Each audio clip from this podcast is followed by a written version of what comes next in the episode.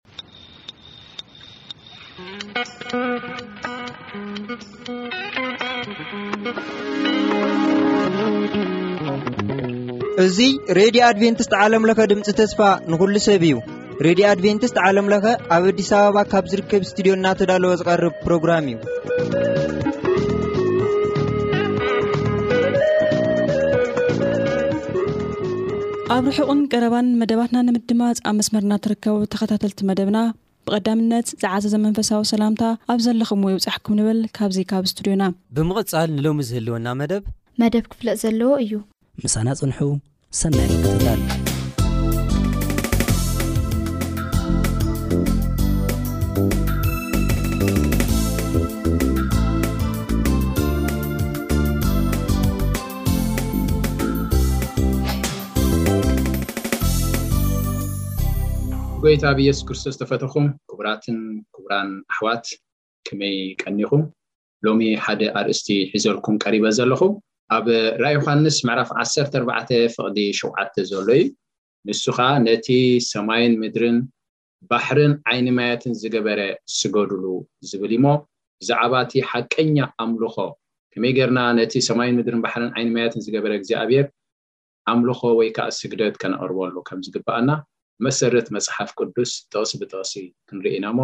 ነዚ ዝገልጸልና ህያው መንፈስ ቅዱስ እዩ ንዑ ብጸሎት ክንዕድማ ኢና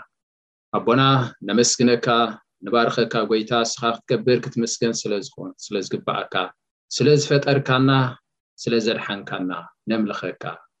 ንውድሰካ ኣለና እግዚኣብሔር ተመስገን ሕጅኻ ኣነን ኣሕዋተይን ነዚ ቅዱስ ቃልካ ብእምሮ ብምሉእ ምስትውዓል ክንፈልጦን ክንርድኦን ንስኻ ክትገልጸልና እግዚኣብሔር ናባኻ ንመጽእ ኣለና ምሳና ጽናሕ ፕሮግራምና ኩሉ ግዜና ሰዓትና ንስኻ ተረከቦ ብስም ወድኻ የሱስ ክርስቶስ ኣሜን። ክቡራት ኣሕዋት ኣብ ራኢ ዮሃንስ እንተ ርኢና ክልተ ዓይነት ስግደት ከም ዘሎ ይገልጸልና ማለት እዩ ሓደ ኣብ ራኢ ዮሃንስ ምዕራፍ ዓሰርተ ኣርባዕተ ፍቕዲ ሸውዓተ ዘሎ ንመን ክንሰግድ ከም ዝግባኣና ይገልጸልና ነቲ ሰማይን ምድርን ባሕርን ዓይኒ ማያት ዝገበረ ኣብ ራእይ ዮሃንስ ምዕራፍ ዓሰርተ ሰለስተ ከኣ ብዘላ ዓለም ነቲ ነቲ ኣራዊት ወይ ከኣ ነቲ ገበል ከም ዝሰግዱ እቲ ዋና ተልእኾ ናይ መጽሓፍ ቅዱስ ግን ንመን ክንሰግድ ከም ዝግብኣና ንዓይን ንዓኻትኩምን የብርሃልና እዩ ማለት እዩ እሞ ስለምንታይ ኢና ንሕና ነቲ የሃወ ዝኾነ እግዚኣብሔር ንሰግደሉ ንዝብል ሕቶ ምኽንያት ኣሎ ምኽንያት ኣሎ ሓደ ሰብ ስለምንታይ እዩ ንኣምላኽ ንሰግደሉ ንዝብል ሕቶ መጽሓፍ ቅዱስ ምሉእ ዝኾነ መልሲ ይህበና እዩ። እሱ ኸኣ ኣብ መዝሙር ዳዊት ቴስዓን ሓሙሽተን ካብ ሓደ ክሳብ ሽዱሽተ ክንሪኦ ከለና ስለምንታይ ኣብ ቅድሚ ፈጣሪና ንንብርከኽ እንተ ኢልና ንሱ ስለ ዝፈጠረ እቲ ኦሪጅን እቲ ቀንዲ ምኽንያት ኣነ ንስኹምን ንኣምላኽ ንሰግደሉ ወይ ከዓ ነምልኾ ንሱ ስለ ዝፈጠረና ንሱ ስለ ዝገበረና እዩ ካልእ ኣይኮነን እሞ እስኪ ንርኤ መዝሙር ዳዊት ተስዓን ሓሙሽተን ካብ ሓደ ክሳብ ሽዱሽተ ዘሎ ክንብበልኩም እየ ንዑ ንእግዚኣብሔር ብሓጎስ ንዘምር ንኸውሒ ምድሓና እል ንበለሉ ብምስጋና ኣብ ቅድሚኡ ንብፃሕ መዝሙር እልልታ ንበለሉ እግዚኣብሔር ዓብዪ ኣምላኽ ኣብ ልዕሊ ኩሎም ኣማለኽቲ ድማ ዓብዪ ንጉስ እዩ እሞ መዓሙቕ ምድሪ ኣብ ኢዱ ምብራህ ኽራን ከኣ ናቱዩ ባሕሪ ናቱዩ ንሱ ፈጠሮ ንንቑጽ ምድሪ ዊን ኣእዳዉ ገበሮ ንዑ ፍግም ኢልና ንስገድ ኣብ ቅድሚ እግዚኣብሄር ፈጣሪና ንንበርከኽ እዛ መዝሙር ዳዊት ተስዓን ሓሙሽተን ምስታ ናይ ራእይ ዮሓንስ ዓሰርተ ኣርባዕተ ፍቕዲ ሸውዓተ ዘማሳስሎ ነገራት ኣሎ ኣብዚ ባሕሪ ዝብል ኣሎ ምድሪ ከም ዝገበረ ኩሉ ከም ዝፈጠረ ስለዚ ንዑ ፍግም ኢልና ንስገድ ይብል። ጅቲ ንሕና ስለ ዝግቦ እዩ ንእግዚኣብሔር ኣምልኾ ወይ ከዓ ስግደት ንህቦ ዘለና ማለት እዩ ኣብ ራይ ዮሃንስ ምዕራፍ ኣርባዕተ ፍቕዲ ዓሰርተ ከይና ክነንብብ ከለና ኸ እቶም ዕስራን ኣርባዕተን ሽማግለታት ኣብ ቅድሚ ፍግም ክብሉ ከለዉ ዝተዛረብዎ ቃላት ኣሎ እቶም ዕስራን ኣርባዕተን ሽማግለታት ኣብ ቅድሚ እቲ ኣብ ዝፋን ተቐሚጡ ዘሎ ፍግም ኢሎም፣ ወ ጐይታናን ኣምላኽናን ንብዘሎ ንስኻ ፈጢርካዮ፣ ስለ ፍቓድካ እውን ኰይኑ ተፈጢሩኒ እሞ፣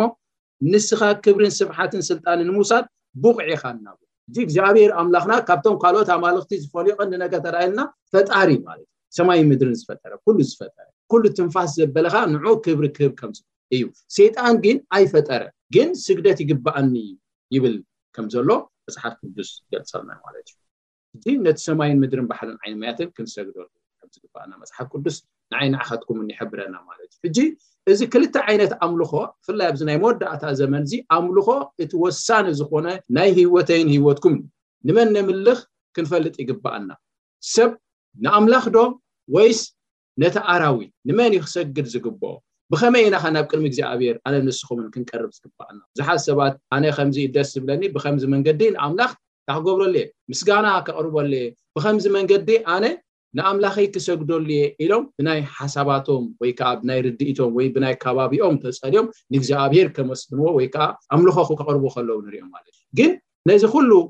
ዝሕግዘና ማእታን ከይንጋገ ኣብ ኣምልኾና ዘይከውን ነገራት ማእታን ከይንገብር ኣብ ወንጌል ዮሃንስ ምዕራፍ ኣርባዕተ ፍቕዲ ዕስራን ሰለስተን ዕስራን ኣርባዕተን ብኸመይ ክንሰግደሉ ከም ዝግባእ ሽም ጥራሕ ምፅዋዕ ዘይኮነ የሱስ የሱስ ጥራሕ ዘይኮነ እግዚኣብሔር እግዚኣብሔር ጥራሕ ዘይኮነ ወይ ከዓ ምዝማር ወይ ከዓ ምስባኽ ጥራሕ ዘይኮነ ሲ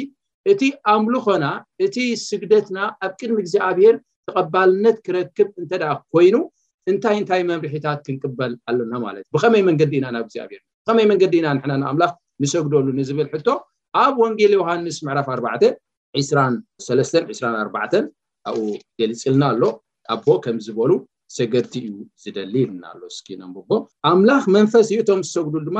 ብመንፈስን ብሓቅን ክሰግዱሉ ይግብኦም በቃ እዚን ክልተ ነገራት የድልያና ማለት እዩ እንታይ ብመንፈስን ብሓቅን ክሰግዱሎም ይግባእ ኣቦ ከምዚ ዝበሉ ሰገድቲ እዩ ዝደሊ ከመይ ዓይነት ዝገብሩ ብመንፈስን ብሓቅን ማለት ብመንፈስ ክብል ከሎ እንታይ ማለት ብመንፈስ ክብል ከሎ ከም ናትና ድልት ከም ናትና ቅዲ ዘይኮነሲ ከም ናይ መንፈስ ቅዱስ ዝደለዮ ማለት ከምቲ እግዚኣብሔር ዝደልዮ ንዑ ባህ ዘብሎ ብምቕራብ ኢና ንሕና ንቐርብ ማለት እዩ እዚ ኣብ ገላትያ ምዕራፍ ሓሙሽተ ከይና ክነንብብ ከለና መንፈስን ስጋን መፃርርቲ እዮም ኣብዚ ዓለም እዚኣ ብስጋ ዝመላለሱ ኣለዉ ብመርሕነት መንፈስ ቅዱስ ተመላሊስካ ንእግዚኣብሔር ከተምልኹን ክተሰግደሉን ከለካ ኣብ ቅድሚ እግዚኣብሔር ተቐባልነት ብናይ ስጋ ተመሪሕካ ትኸይ ተደኣ ኮንካ ግን ኣብ ቅድሚ እግዚኣብሔር ተቐባልነት የብሉ ገላትያ ምዕራፍ ሓሙሽተ ኣብኡ ቁጽሪ ዓሰርተ ሸውዓተ፣ ኣነስ ብመንፈስ ተማላለሱ እሞ ትምኒት ስጋ ኣይክትፍጽሙን ኢኹም እብለኩም ኣለኹ። ስጋ ነቲ ምስ መንፈስ ዝጻረር ይምነ፣ መንፈስ እውን ነቲ ምስ ስጋ ዝጻረር እዩ ዝምነ። ነቲ እትደልዮ ምእንቲ ከይትገብሩስ እዚኣቶም መጻርርቲ እዮም፣ ነቲ እትደልዮ። ኣብዚ እዩ ዘሎ ሕጂ እቲ ዋና ነገር። ኣነ ዝላን ዳንኬራን ካልእ ጓይላን ደስ ይብለኒ ክኸውን፣ ንዓይ ደስ ይብለኒ ክኸውን። እዚ ሕጂ ኣብ ቅድሚ እግዚኣብሄር እንተ ኣቕሪበዮ ንዕኡ ደስ ዘይብሎ ክኸውን፣ ንእግዚኣብሄር ደስ ምኽንያቱ እቲ ስጋዊ ትምኒትን እቲ ናይ መንፈስ ሓሳብን ክልቲኡ መጻርርቲ እሞ እቲ ትደልይዎ ምእንቲ ከይትገብሩሲ እዚኣቶም መጻርርቲ እዮም ንሕና እቲ ናይ ስጋዊ ኣተሓሳስባና ነቲ ናይ ባህላዊ ዝኾነ ልምድታትና ክሒድና ኢና ቅድሚ ሕጂ ዘይለመድናዮ ቅድሚ ሕጂ ዘይንፈልጦ ዝነበርና ስርዓታውቲ ብምቕባል ኢና ናብ ቅድሚ እግዚኣብሔር ኣምልኾ ነቕርብ ማለት ስለዚ ብመንፈስ ምምልላስ ወይ ከኣ ብመንፈስ ተደሪኽካ ንእግዚኣብሔር ምስጋድ ማለት ብመሪሕነት መንፈስ ቅዱስ ብናትካ ርድኢት ዘይኮነ ብናትካ ቅዲ ዘይኮነስ ብናይ መሪሕነት ናይ መንፈስ ቅዱስ ማለት እታ ካልኣይቲ ሓቂ ትብል ኣላ ሓቂ እንታይ እዩ ኣብ መጽሓፍ ቅዱስ ሓቂ ዝብሎ ንየናይ እንተዳልና እዚ መጽሓፍ እዚ ሓቂ እዩ ምክንያቱ ኣብ ወንጌል ዮሃንስ ዓሰርተ ሸውዓተ ዓሰርተ ሸውዓተ እንታይ ይብል ኣሎ ነቲ ሓቂ ቀድሶም ቃልካ ሓቂ ኢሎም ማለት መንፈስ ቅዱስ ንባዕሉ ናበይ እዩ ዝመርሓካ እንተ ኢልኩም ናብዚ ቃል ኣምላኽ እዩ እቲ መንፈስ ሓቂ ምስ መፀ ግና ይብለና ወንጌል ዮሃንስ 1613 መንፈስ ሓቂ ምስ መፀ ግና ንሱ ካብ ርእሱ ኣይዛረብን ዝሰምዖ ይዛረብ ኢልዎ ናብ ኩሉ ሓቂ ዘበለኻ ክመርሓኩም እዩ መንፈስ ቅዱስ እምበኣር እቲ ጎይታናን መድሓይና የሱስ ክርስቶስ ዘስተምሃሮ መፅሓፍ ቅዱስ ዝበሎ ንዑ እዩ ዘስተምህረና ናብ ኩሉ ሓቂ ዘበለ ዝመርሓና ዳ እምበር ካልእ ካልእ ካልእ ቅዲ ኣይኮነን ንዓይ ንዓኻትኩም ዘምፃና ስለዚ ኣምልኾ መምርሒ የድልዮ እዩ ኣምልኾ ስርዓት የድልዮ እዩ ኣምልኾ ኣገባብ የድልዮ እዩ ማለት እዩ በቲ መንገድታቱ ኢና ናብ እግዚኣብሔር ክንቀርብ ዝግባኣና በቲ ናትና ተሓሳስባ እንተ ቀሪብና ግን ከንቱ ኣምልኾ እዩ ዝበሃል ሓደ ዓብይ ኣብነት ዝኾነና ንዓይ ንዓኻትኩምን ኣብ ዘፍጥረት ምዕራፍ ኣርባዕተ ዘሎ ናይ ኣቤልን ቃየልን መስዋእቲ ኣብ ቅድሚ እግዚኣብሄር ከም ዘቕረቡ ኣብኡ ይገልጸልና ናበይ እዮም ዘቕርብዎ ዘለዉ እቲ መስዋእቲ ናብ እግዚኣብሄር ማለት ኣንፈቱ ናብ እግዚኣብሄር ግን ናብ እግዚኣብሄር ደኣ ይኹን እምበር ተቐባልነት ዘለዎን ተቐባልነት ዘይብሉን ከ ኣሎ ካብዚ ኢና ሕጂ ክንመሃር ዝግባኣና እሞ ኣቤል እንታይ ዓይነት መስዋእቲ ኣምፅኡ ካብተን ኣባጊዑ በጊዕ ህይወት ዘሎ መስዋእቲ ናብ እግዚኣብሔር ክቐርብ ከሎ ቃየል ግና እንታይ ኣምፅኡ ይብለና ፍቅዲ ሰለስተ ድሕሪ ገለ ወርሓት ድማ ኮነ ቃየል ካብ ፍረ ምድሪ ንእግዚኣብሔር መስዋእቲ ኣምፀ ካብ ፍረ ምድሪ መስዋእቲ ናብ እግዚኣብሔር ኣምፅኡ ኣቤል ከ እንታይ ኣምፅኡ እንተ ኢልና ፍቅዲ ኣርባዕተ ኣቤል ከዓ ካብ በኳራት ኣባጊዑ ካብ ስብሐን ኣምፀ እግዚኣብሔር ድማ ናብ ኣቤል ናብ መስዋእቱን ባህ ኢልዎ ረኣየ ናብ ቃየልን ናብ መስዋእትን ግና ባህ ኢልዎ ኣይረኣየን ስለምንታይ እዩ እግዚኣብሔር ናይ ኣቤል መስዋእቲ ክቕበሎ ከሎ ናይ ቃየል ግን ኣይተቐበሎ እንተ ደኣ ኢልና ትሕት ኢልና ክነንብቦ ከለና እቲ ምክንያት ኣብኡ ገሊፅዎ ኣሎ ማለት እዩ ወደ ሸውዓተ እግዚኣብሔር ካን ቃየል ስለምንታይ ኮረኻ ስለምንታይ ገፅካ ፀለመ ፅቡቕ እንተ ትገብርሲ ገጽካ ትኽ ኣይምበለን፣ ጽቡቕ እንተ ዘይገበርካ ድማ ሓጢኣት ኣብ ኣፍ ደገ ትቃጸወካ ኣላ። ሕጂ ጽቡቕ ኣይገበረን ማለት እዩ። እቲ ዝገበሮሲ ኣብ ቅድሚ እግዚኣብሄር ጽቡቕ ኣይኮነን። ጽቡቕ ምዃኑን ዘይምዃኖን ብኸመይ ንፍለ እንተ ርኣና፣ መምርሒ ክበካ ኣለዎ እግዚኣብሄር መጀመርያ ማለት እዩ። ስለዚ ንዓኣቶም መምርሒ ሂብዎም እዩ። ከመይ ገይሮም መስዋእቲ ከቕርቡ ከም ዝግባእ፣ እንታይ እንታይ መስዋእቲ ከም ከቕርቡ ከም ዝግባእ ሂብዎም እዩ። ኣቤል በታ መምርሒ ናይ እግዚኣብሄር መስዋእቲ ኣቕሪቡ እግዚኣብሄር ከኣ ባህ ኢልዎ ቃየል ግና ከምዚ ገይረ መስዋእቲ ናብ እግዚኣብሄር እንተቕረብኩ ይቕበሎ ይኸውን ይኸውን ኢሉ ኣቕሪቡ ማለት እግዚኣብሄር ከኣ ስለዚ ኣብ እስራኤል እዚ ዓይነት እዚ ብተደጋጋሚ የሸግሮም ነይሩ እሱ ከዓ እንታይ መስዋእቶም ዘይቅበለሉ ኩነታት ነይሩ መስዋእቲ ኣቕርብለይ ይብል እግዚኣብሔር ነቲ መስዋእቶም ከ ዘይቅበለሉ ኩነታት ነይሩ እንታይ ስለ ዝኾነ እዩ እንታይ እቲ ምኽንያት እንተደኣ ኢልና እግዚኣብሔር ዘይፈትዎ ነገር እግዚኣብሔር ደስ ዘይብሎ ነገር ኣብቲ ኣምልኾ ተሓዊሱ ክርኢ ከሎ እግዚኣብሔር ባህ ኣይብሎን ኣብ ትንቢት እስያስ ምዕራፍ ሓደ እንከይድ ከለና ህዝቢ እስራኤል ናብ እግዚኣብሔር መስዋእቲ ከቕርቡ ከለዉ እግዚኣብሄር ኣይተቐብሎን። ጸሎቶም እውን ኣይሰምዖን። እቲ ዘቕርብዎ ዝነበሩ መስዋእትታት ግን ገናሽል ካልእን ነይሩ። እግዚኣብሄር ግን ኣይተቐበሎን። ንምንታይ ዘይተቐበሎ እንተ ኢልና ትሕት ኢልና እንድሕር ርኢናዮ ኣብኡ ገሊጽዎ ኣሎ ኣብ ትንቢት እሰያስ ምዕራፍ ሓደ ፍቕዲ ዓሰርተ ሓደ። ብዝሒ መስዋእታትኩም እንታይ ኢለዮ ይብል እግዚኣብሔር ብዛብ ሓሪር መስዋእቲ ደዓውንን ብሰብሒ ስብሓት ጸጊበ ኣለኹ ደም ዝራብዓትን ገናሽልን ድበላታትን ባህ ኣየብለንን ኣብ ቅድመይ ክትረኣዩ ምስ እትመጹ መን ኮታ ኣጸደይ ክትረግጹ ደለየኩም እግዚኣብሔር ግን ናባይ ንዑ ናብ ቤተይ ምጹ ኣቱም ፅዕሩ ፀሩ ዝኸበደኩም ናባይ ንዑ እዩ ድብለና ኣብዚ ግን እንታይ ይብላ ኣሎ ኣፀደይ ክትረግፁ መን ደለየኩም እዩ ማለት ኣብ ቅድመይ ክትረኣዩ ምስ እትመፁ መን ኮታ ኣፀደይ ክትረኣዩ ክትረግፁ ደለየኩም ከንቱ መስዋእቲ ብልዒ ኣይተምፁ ዕጣን ንዓይ ፍንፉን እዩ ስርቂ ወርሒ ሰናብቲ ኣኼባ ማሕበር ንኣበሳ ምስ ኣኼባ በዓል ኣይዕጎሶን እዩ ኣኼባ ማሕበር ምስ ኣበሳ ማሕበር ኣይዕጎሶን እዩ ሕጂ እቲ ምትሕውዋስ ሕጂ እግዚኣብሄር ዝፀልእ ዘሎ ኣበሳ እንዳገበሩ ሓጢኣት እንዳገበሩ እንዳገፍዑ መስዋኣቲ ከቅርቡ ከለዉ እግዚኣብሄር ነዚ ባህ ኢልዎ ክሪኦ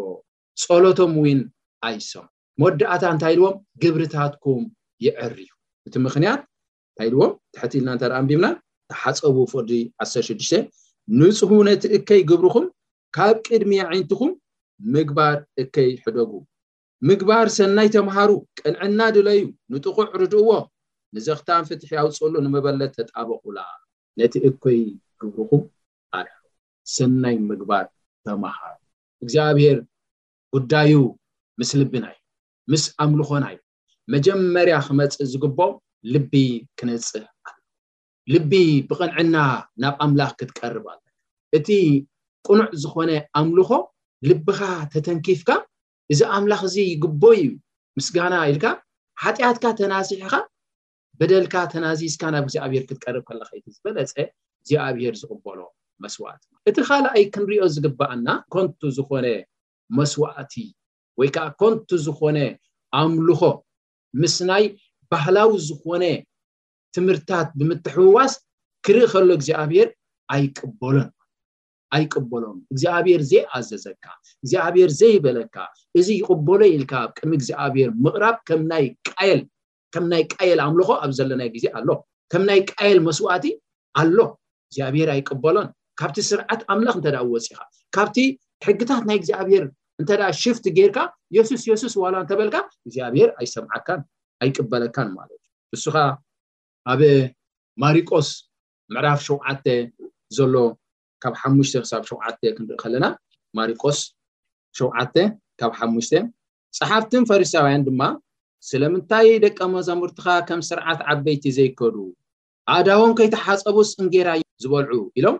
ሓተትዎም ንሱ ኸኣ በሎም ኣቱም ግቡዛት ከምቲ ጽሑፍ እዚ ህዝቢ እዚ ብኸናፍሩ የኽብረኒ ልቦም ግና ካባይ ርሑቕ እዩ ግናኸ ምህሮ ስርዓት ሰብ እናመሃሩ ብኸንቱ እዮም ዘምልኹ። እዚ ከንቱ ዝኾነ ኣምልኾ እንታይ እዩ እንተ ኢልና ብስርዓት ናይ ሰብ ብባህሊ ናይ ሰብ ተቐይድካ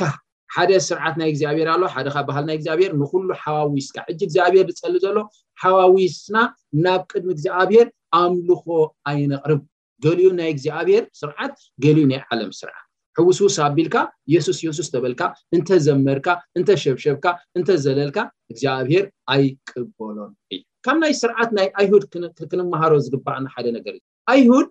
ጣዖት ኣይኮነን ዘምልኹ ነይሮም ንእግዚኣብሔር እዮም ዘምልኹ ነይሮም ንእግዚኣብሔር ከምልኹ ከለዉ ግን ብዝያዳ ብዝያዳ ትኩረት ዝገብርሉ ዝነበሩ እንታይ እዩ እንተዳልኩም እቲ ናታቶም ስርዓት ወግዒ እንዳባ ዝበሃል ንዑ እዮም ቀዳምነት ዝሰርዕዎ ነይሮም ስለዚ ናብቲ ኣፀድ እግዚኣብሔር ክቐርቡ ከለዉ እቲ ስርዓታቶም ብዝያዳ ትኩረት ብምግባር ምስቲ ናይ ኣምላኽ ብምትሕውዋስ ናብ እግዚኣብሔር ይቐርቡ ነይሮም ድሓር ኮንቶ ኣምልኾ ይዎም ጎይታና ምእንቲ ስርዓትኩም ክትብሉ ትእዛዛት ኣምላኽ ተፍርሱ ኣለኹም ኢሎም ክንደይ ትእዛዛት ኣምላኽ የፍርሱ ነይሮም ሰንበት የፍርሱ ነይሮም ከምቲ ዝግባእ ኣየኽብሩን ነይሮም ማለት እዩ ኣቦኻን ኣዴኻን ኣኽብር ዝብል ከምቲ ዝግባእ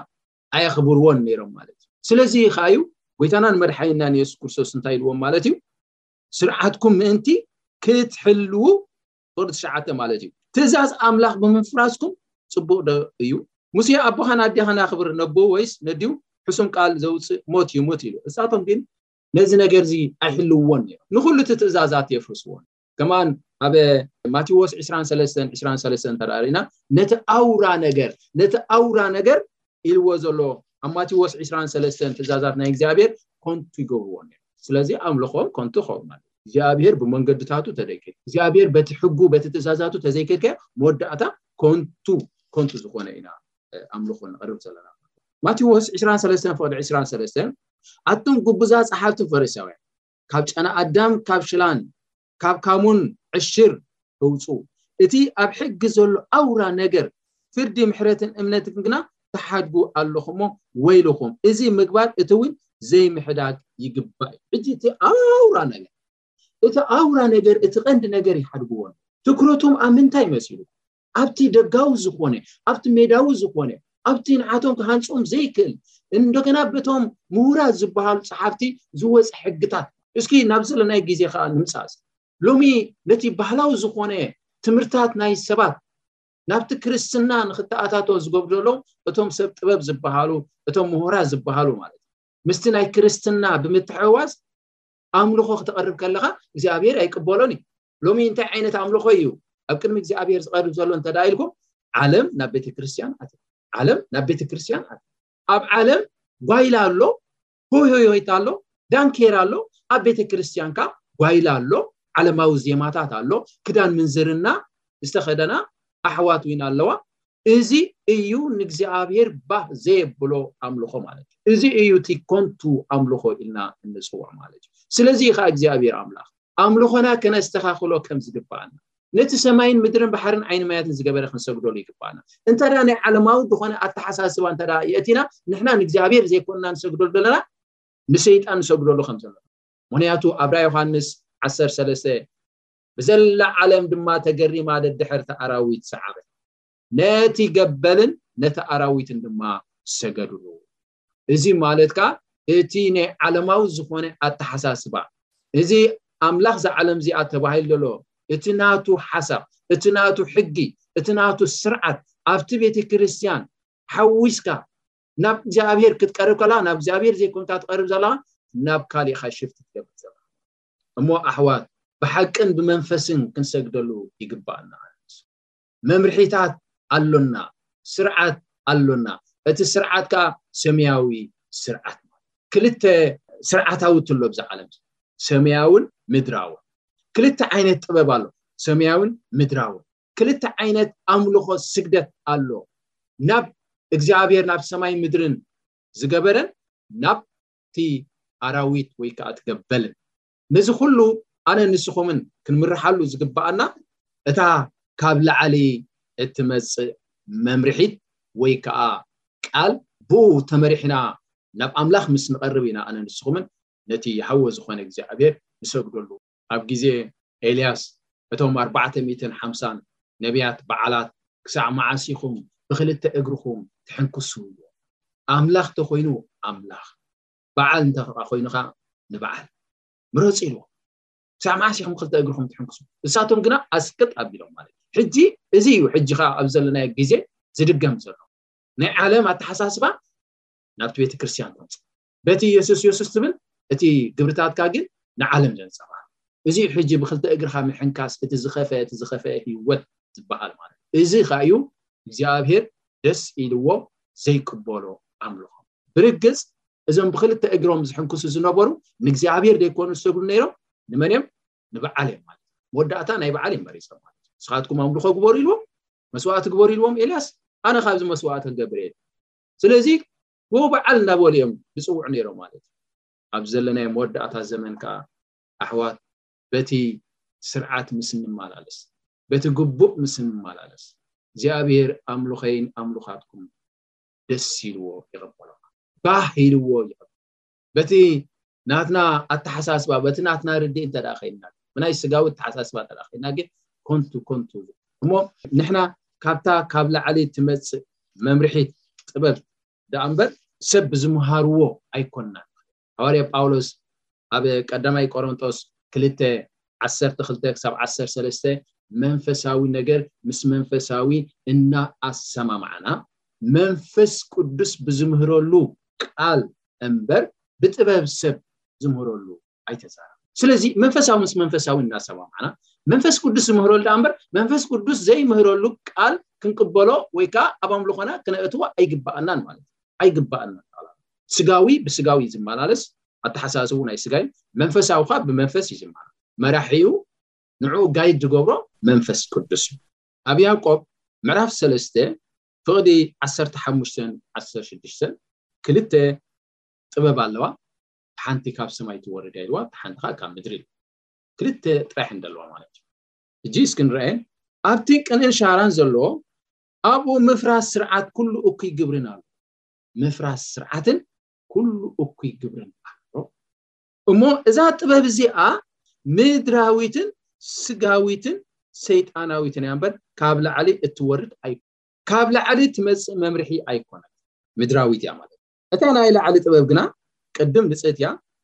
ድሓር እውን ሰላማዊት ልእምቲ ሰማዕ ምሕረት ጽቡቕ ፍረ ዝመልአት ብዘይ ዝሬት ብዘይ ግብዝና እያ ሕጂ ካብ ላዕሊ እትወርድ ካብ ምድሪ ኢልዋ ኣሎ ክልተ ነገራት እቲኣ ሓንቲ ሰይጣናዊት ምድራዊት እታ ሓንቲ ግን ካብ ላዕሊ እትወርድ መጀመርታ ንጽህቲ ሰላማዊት ጽቡቅ ፍረ ዝመልኣት ብዘይ ዝርየት ብዘይ ግብዝና ብምባል ገሊጽዋ ኣሎ ኣነን ንስኩምን በየናይ ስርዓት ኢና ክንመሓደር እንደሊ በቲ ሰይጣናዊ ዝኮነ ባህልታት ናይ ባቢሎን ባህልታት ናይ ሮማ ባህልታት ናይ ግሪክ ባህልታት ናይ ግብጺ ስቲል ክሳብ ሕጂ ዘሎ ኣብቲ ናይ ክርስትና ዊን ኣትዩ ዘሎ ከም ቀንዲ ስርዓት ተቆጺሩ ብኡ ዲና ንማላለስ ዋላስ ካብ ሰማይ ካብ ሰማይ ካብ ላዕሊ ዝመጸ ስርዓት ናይ እግዚኣብሔር ካብ ላዕሊ ካብ ሰማይ ዝመጸ መምርሒ ናይ እግዚኣብሔር ብኡ ዲና ኣምልኾ ንገብር ብኡ ተቐይድና ዲና ዜማታትና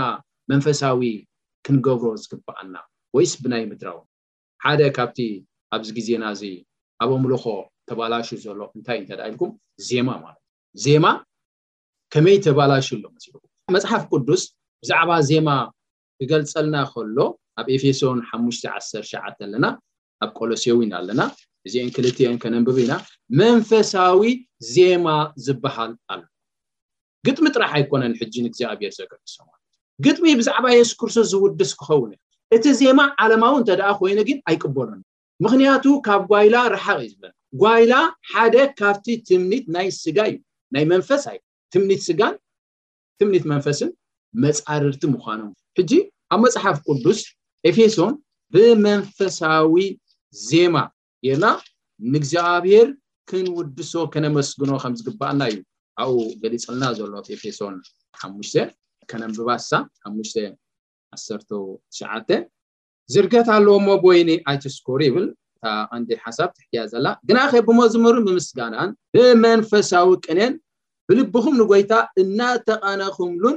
እንዳደረስኩምሉን ንሓድሕድኩም እናተዛራረብኩምን መንፈስ ይሙላእኩም። እታ መምርሒት እንታይ እያ? ብመንፈሳዊ ቅኔ ብልብኹም ንጎይታ እናተቐን ብመንፈሳዊ ቅኔ እታ መምርሒ ብመንፈሳዊ ቅኔ ጌርና መዝሙር ምስጋና ከነቕርብ ስለዚ መንፈሳዊ ቅነ ካብ ሃለወ ዓለማዊ ቅነ ኸ ኣሎ ማለት ጥዑም ዜማ ካብ ሃለወ ረባሽ ዝኾነ መንፈስካ ዝርብሽ ንዓኻ ዘጨንቕ ዓይነት ዜማ ኸኣ ኣሎ ማለት እዩ። ቆለሴ ነዚ ውን ደጊሙ ኣብ ቆለሴ ውን ኣሎና እዚ መንፈሳዊ ቅኔ ወይ ከኣ መንፈሳዊ ዜማ ብምባል ገሊጽዎ ዘሎ ቆለሴ ሰለስተ ዓሰርተ ሽዱሽተ ብመዝሙርን ውዳሴን መንፈሳዊ ቅኔን ንሓድሕድኩም ኣስተምህሩን መዓዱን፣ ብልብኹም እውን ብጸጋ ንኣምላኽ እናዘመርኩም ቃል ክርስቶስ ብኹሉ ጥበብ መሊኡ ይሕደር። ስለዚ መንፈሳዊ ቅኔ ይካየድ እሞ ኣምልኾና ከመይ ከም ዝኸውን እግዚኣብሔር መምርሒ ሂብና ኣሎ ማለት እዩ። ከመይ ጌርና እንታይ ዓይነት ዜማ ክንጥቀም ከም ዝግባእና መንፈሳዊ ዜማ ዓለማዊ ዜማ እዩ ዓለማዊ ዜማ እዩ መንፈሳዊ ዜማ ከነቐርብ ኣብ ቅድሚ እግዚኣብሔር እንደገና ምስኡ ከዓ እቲ እግዚኣብሔር ዝደልዮ ሕግታት ኣምላኽ ስርዓታት ኣምላኽ ከነማልእ ይግባእና መንፈሳዊ ቅኔ ተስተኻኺሉ እንተ ደኣ ናይ ዓለማዊ ዝኾነ ስርዓታውቲ ትካየድ ትኸይድ ተደኣ ኮይና እታ ቤተ ክርስትያን ስቲል እዛ ቤተ ክርስትያን እዚኣ ንኣምላኽ ዘይኮነ ትሰግድ ዘላ ብርግፅ ንዲያብሎስ ትሰግድ ከም ዘላ ጎይታናን መድሓይና የሱስ ክርስቶስ ነቶም ፈሪሳውያን ንስኹም ደቂ እቲ ኣቦኹም ዲያብሎስ ኢኹም ትገብሩ ደቂ እቲ ኣቦኹም ዲያብሎስ ኢኹም ኢልዎም ኣሎ ዮሃንስ መጥመቂ እውን ኣቱም ውሉድ ኣትማን ኢልዎም ኣቱም ውሉድ ኣትማን ኢልዎም ምክንያቱ እቲ ስርዓታቶም ትኩረቶም ነቲ ናይ ዓለማዊ ነገር ነቲ ናይ ወግዒ ናይ ኣይሁድ ስርዓታውት እዮም ንዑ ትኩረት ዝገብሩ ማለት እዩ ስለዚ ኸዩ እግዚኣብሄር ብመንፈስን ብሓቅን ክሰግዱሉ ይግባእ ኣምላኽ መንፈስ እሞ እቶም ዝሰግዱሉ ብመንፈስን ብሓቅን ክሰግዱሉ ይግባእ ኣሕዋት ብመርሕነት መንፈስ ቅዱስ ንጓዓዝ ብሓቂ ካ ንክ ሓቂ እዚ ኪኖ እዚ ሓቂ የለ ከም ዝመስለና ኣይንመላለስ ከም ርድኢትና ኣይንክ ከም ስምዒትና ኣይንክ ከም ከባቢና ኣይንመላለስ ከም ባህሊ ባህልና ከምዝንድዩ ናትና ናይ ኣቦይ ናይ ኣደይ ኣተዓባብያ ከምዚ እንድዩ ኢልና ብከባቢና ኣይንቀየድ ብናይ ሰማያዊ ሰማያዊ ካብ ሰማይ ዝመፀ መልእኽቲ እሱ እዩ ንዓይ ንዓኻትኩምን ሰማይ ክወና ዝኽእል ንእግዚኣብሔርካ ባህ ኢልዎ ክቕበሎ ዝኽእል መስዋእትኻ